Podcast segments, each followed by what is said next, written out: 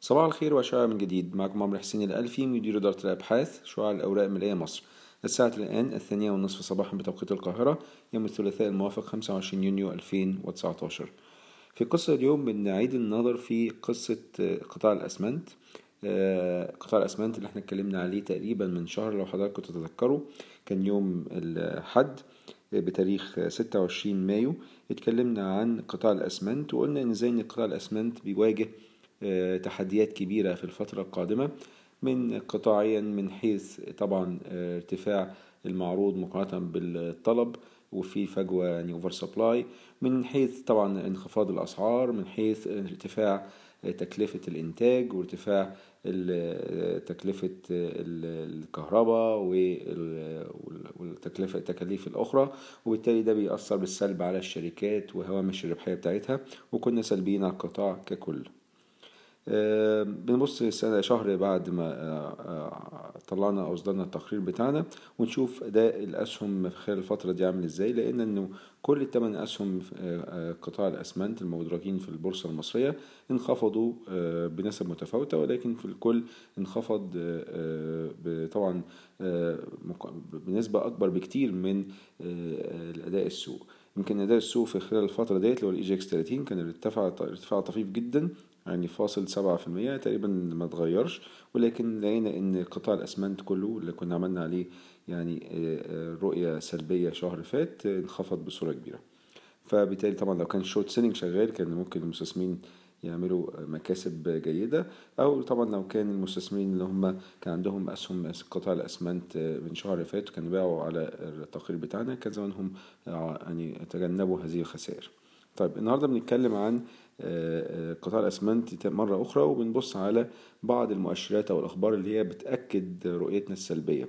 لقينا إن شركة أسمنتورا كانت عملت جمعية عمومية ووافقت على إنها توقف إنتاجها في الفترة القادمة خصوصا بعد تفاقم خسائرها في الربع الأول 2019 وبيقول إن هو بيشوفوا دلوقتي إن العاملين في الشركة إن هم يحاولوا يعني يتقاعدوا أو يسيبوا الشركة وبالتالي لو العاملين ما سابوش الشركة ده ممكن يخلي يؤدي إن الشركة يعني يقفلوها خالص أو يصفوها في خلال من ثلاث لست شهور. طبعا شركة أسمنتورا مملوكة لشركة السويس الأسمنت اللي سهمها برضو انخفض بدوره خلال نفس الفترة. ده حاجة. الحاجة التانية شركة أخرى جنوب الوادي الأسمنت كانت إحدى الشركات اللي خدت رخص جديدة عشان إنتاج الأسمنت. دلوقتي بتفكر إن هي ترجع الرخصة بتاعتها للحكومة المصرية وعايزة تسترد ال 160 مليون جنيه اللي كانت دفعتها تمن الرخصة. وده طبعا نتيجة إن قطاع الأسمنت فيه تشبع كبير جدا في حجم الإنتاج وبالتالي الاقتصاديات بتاعت القطاع مش مواتية. مع الناحية الأخرى في خبر نوعا ما إيجابي ولكن لسه في المستقبل وهو شركة فيكا اللي المالكة نسبة في شركة أسمنت سينا. كانت بتقول في خلال الفترة اللي فاتت قالت خبر إن هي بتفكر إن هي تضخ حوالي 30 مليون يورو في الشركة لكن لو عشان يعملوا خط الإنتاج التاني لكن لو لقيت إن فعلا مبيعات الشركة ابتدت ترتفع. طيب هل كل حاجة سلبية في القطاع الأسمنت؟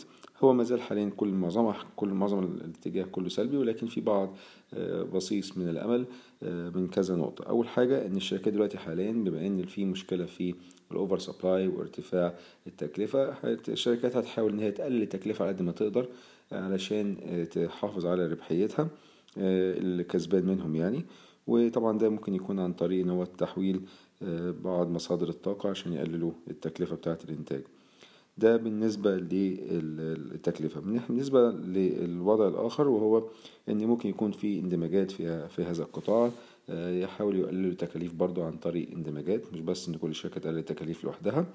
النقطة الثالثة طبعا في الآونة الأخيرة شفنا إن في ممكن اتجاه لتعمير أجزاء من سيناء وغزة قطاع غزة. وعندنا طبعا البلاد العربية المجاورة زي ليبيا واليمن وسوريا.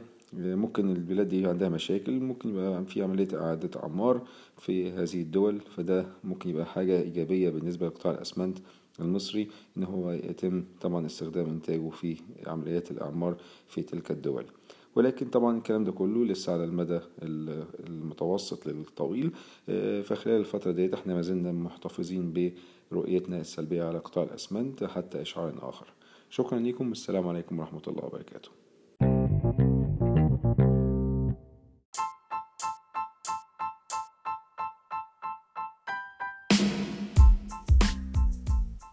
إن هذا الملخص الصوتي هو لأغراض المعرفة فقط ولا يمكن اعتباره عرض شراء أو بيع أو إدارة استثمارات أو خدمات استشارية. ينصح باستشارة مستشارك المالي قبل اتخاذ أي قرار استثماري.